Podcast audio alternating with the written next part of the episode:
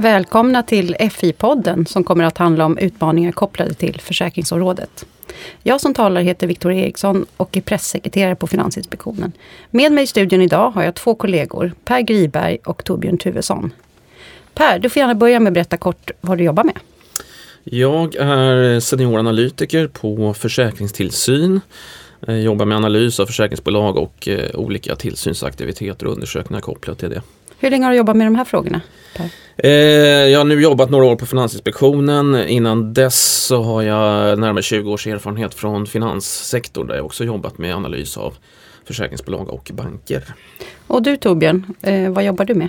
Kan du jag är också senioranalytiker och har liknande arbetsuppgifter med finansiell analys av försäkringsföretag och branschen som helhet. Hur länge har du jobbat med de här frågorna? Eh, närmare tre år. Mm. Det finns ju olika typer av utmaningar och olika typer av försäkringsbolag. Och det vi ska tala om idag är framförallt utmaningen som livförsäkringsbolagen, eller helt kort livbolagen, står inför. Och som hänger samman med det låga ränteläget de senaste åren. Hur kommer det sig att vi har så låga räntor? Per, du får gärna börja. Ja, det är, det är mycket en följd av, av eh, dels eh, de konjunkturförändringar vi har sett under senare år, men kanske framförallt, eh, och det har många studier visat, har vi sett en minskning i realräntorna. Och det finns strukturella förklaringar till det, bland annat demografi. Eh, men det faktumet att vi har haft de här strukturella förändringarna talar ju också för att räntorna kommer att förbli låga under en tid framöver. Även om vi ser en ökad eh, inflationsförväntningar och en viss förbättring i ekonomin. Så att utmaningen för livbolagen kommer sannolikt fortsätta under de närmaste åren vad det gäller låga räntor. Men om man nu ska gräva sig lite djupare i det låga ränteläget. Det har ju gått så pass lång tid. Torbjörn, vad, vad säger du? Ja, det har ju gått väldigt lång tid och det här är ju någonting som är i hela västvärlden och man kallar det lite för Japan-scenario också där man har haft den här trenden i, sen slutet på 80-talet egentligen, när man hade börskraschen 87. Eh, och förväntningarna framförallt, det är ju inte vi bara som säger att räntorna kommer att vara låga utan det är snarare marknaden då som förväntar sig nu i och med att det har pågått under så lång tid. Och vi har de här strukturella förändringarna som gör att eh, det är svårt att se stigande räntor. Man kan ju lägga till också det att eh, centralbankerna har ju drivit på det här ytterligare naturligtvis som en, som en, som en del i den penningpolitik som man har drivit de senaste åren. Eh, där man då har velat stimulera konjunkturen naturligtvis eh, få upp inflationen men också om vi tittar på de europeiska länderna eh, stödja ett banksystem som har haft stora problem.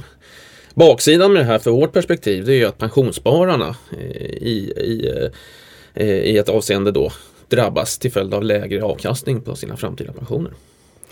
Och följderna blir då av, de, av det låga ränteläget för livbolagen, vad skulle ni säga att, att de blir, Torbjörn?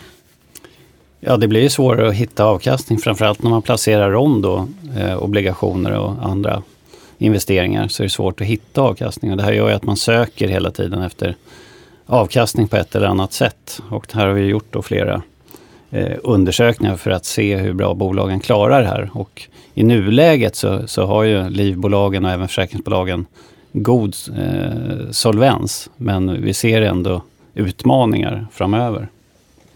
Det handlar ju både om att, eh, så att säga, att ge en bra pension för så framtida försäkringstagare men, men också att, att uppfylla de garantier som man har ställt ut till dagens kunder Eh, och som man har gjort på högre nivåer tidigare år då, då, då ränteläget var väsentligt högre.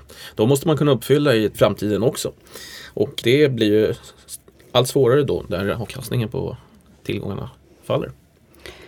På FI så har vi tagit upp eh, den här frågan med, de, med det låga ränteläget och riskerna eh, flera gånger tidigare i olika sammanhang. Vad är det som gör att FI har fokus på det här, Torbjörn? Ja, det är ju att räntorna fortsätter att vara låga och ju längre det pågår desto större blir utmaningen att hitta avkastning för att eh, uppfylla de garantier man har men även då återbäring. Och sen så måste man ha en beredskap för eh, tuffare tider. Och vi vet ju att bara under 2000-talet har vi haft två större kriser när börsen till exempel har fallit med mer än 50 procent. Så att det, vi vet att det kan komma sämre tider och det är väldigt svårt, eller det finns ingen som kan förutse, det ligger i sakens natur att kriser förutser vi inte. Och om vi då får kombinerat eh, dålig avkastning på räntebärande och kanske nedgångar på andra tillgångslag så, ja, så ser vi utmaningar där. Förutom effekterna som Torbjörn pratade om nu så är det ju eh, eller riskerna som Torbjörn pratade om, så är det ju själva effekten också. Vi talar om ganska stora pengar här. Den traditionella livförsäkringsbolagen, de står ju för två tredjedelar av tillgångarna i hela livförsäkringssektorn och sparandet alltså. Och, och, det är där så att säga som man ser eh, de här problemen med finansiella garantier framöver. Så det är en betydande, betydande pengar vi talar om. Det är där större delen av tjänstepensionerna för eh, vanligt folk till exempel finns placerade. Vad, vad, innebär det här? Du nämnde traditionell förvaltning. Eh, vad, vad innebär det, eh, Torbjörn? Ja, traditionell förvaltning eh, är ju att risken så att säga ligger hos vad ska man säga, pensionsbolagen. Och det är den förvaltning vi har haft förr i tiden. Men nu flyttas ju mer och mer över till försäkringstagaren och då är i stort sett i fondförvaltning då där man väljer sina egna fonder. Så det finns alternativ till traditionell förvaltning. Per, du får gärna förklara. Ja, fondförsäkring som Torbjörn var inne på är, är ju det, eh, det som så att säga, är vanligare idag när, när det gäller nysparande. Eh, allt fler bolag rekommenderar det som ett sätt att själva så att säga, få ner de risker som bolagen exponerar för. Eh, och därför så att säga, marknadsför man det till, till, till sina kunder. Eh, du har ju också som kund då, om du vill ha en större valfrihet så har du möjlighet där att välja olika typer av fonder eller placeringar. Eh, men tidigare som Torbjörn var inne på så, så, så var ju det dominerande eh, produkten, det var traditionell förvaltning då, då, då bolagen alltså eh, placerade pengarna och eh, lämnar en garanti helt enkelt. Vad handlar det om för belopp det här inom, inom livbolagen? Hur, hur, hur, hur mycket omfattar det här tjänstepensionen och så? Hur mycket pengar? Eh, totalt så har ju livbolagssektorn i Sverige runt 4 000 miljarder i tillgångar. Eh, av dem är ungefär 3000 miljarder hänförliga till de här traditionella livbolagen.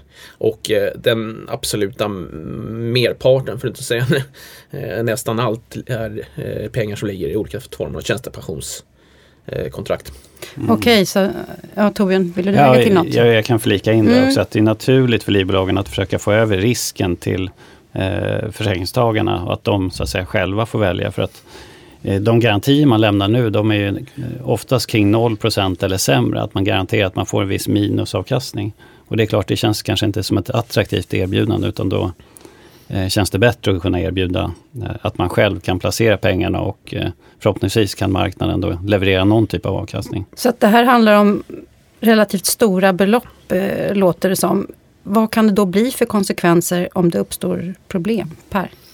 Ja, eh, i värsta fall naturligtvis att eh, eh, de här försäkringsbolagen då inte kan uppfylla sina åtaganden, sina garantier till försäkringstagarna i slutändan. Och att man inte får eh, de pensioner som man har blivit utlovad en gång i tiden. Det, det är ju eh, det absolut värsta scenariot. Va?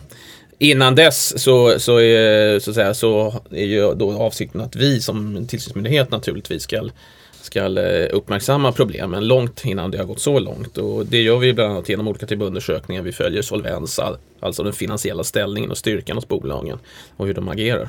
Så, så det här är en utmaning men, men FI har ögonen på det. Eh, det finns ju också ett, ett, relativt nytt regelverk som spelar in här som heter Solvens. Torbjörn kan du förklara? Mm.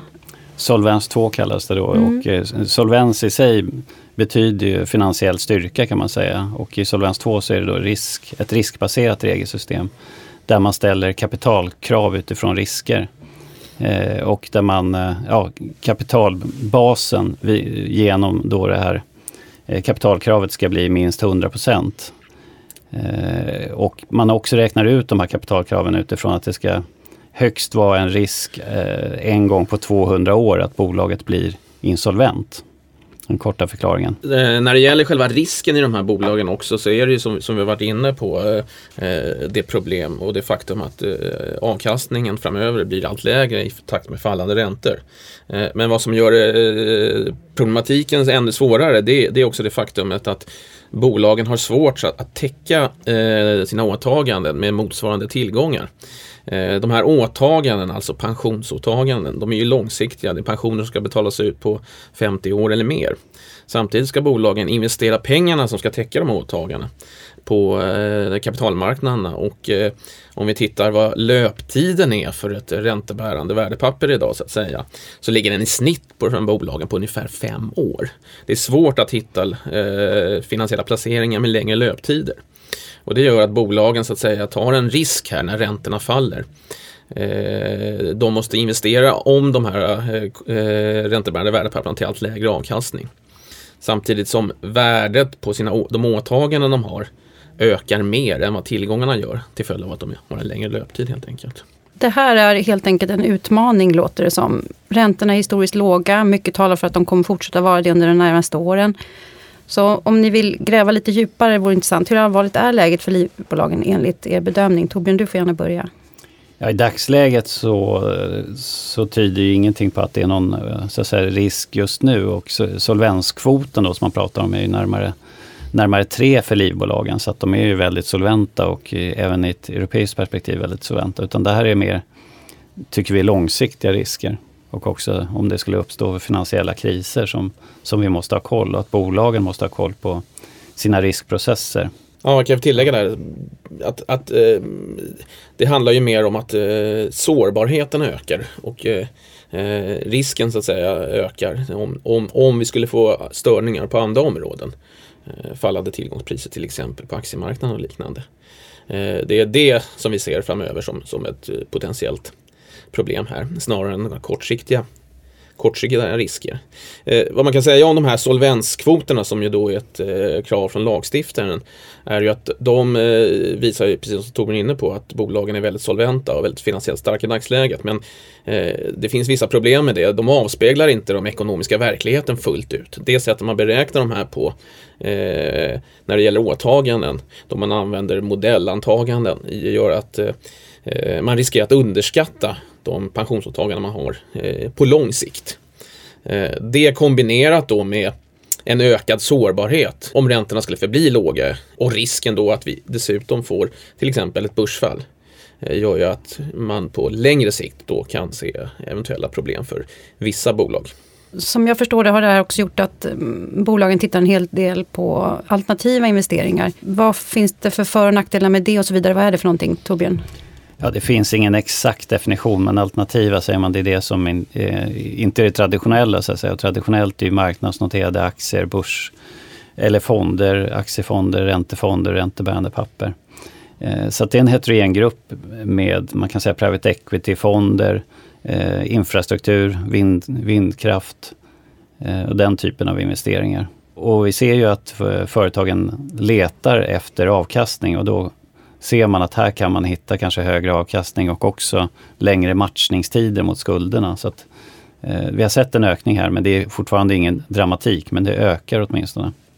Det här som Torbjörn säger också att eh, man letar en bättre matchning mot åtaganden. Det är, det är ju viktigt just i, i det perspektivet eh, av vad jag sa tidigare att, att vi har en stor skillnad mellan, mellan de åtaganden som är långa och de placeringar man har som är väldigt korta. Eh, kan vi bara nämna här också att vi, vi har gjort ett par undersökningar där vi konkret har tittat på så att säga, eh, in och utflöden och förväntade kassaflöden som vi säger framöver i, i de svenska livbolagen. Och vi kan ju konstatera Eh, även där då att eh, eh situationen ser ganska bra vi, vi bedömer att de kan hantera ett fortsatt lågränteläge. Eh, de behöver inte någon eh, ytterligare avkastning så att säga framöver på övriga tillgångar, eh, icke räntebärande tillgångar, såsom aktier framförallt, eh, för att klara sina åtaganden eller en väldigt liten avkastning på dem. Och, och det gör ju att vi som tillsynsmyndighet då känner att eh, det, eh, det krävs inte ett fortsatt börsuppgång som vi har sett de senaste åren för att bolaget ska klara av det här.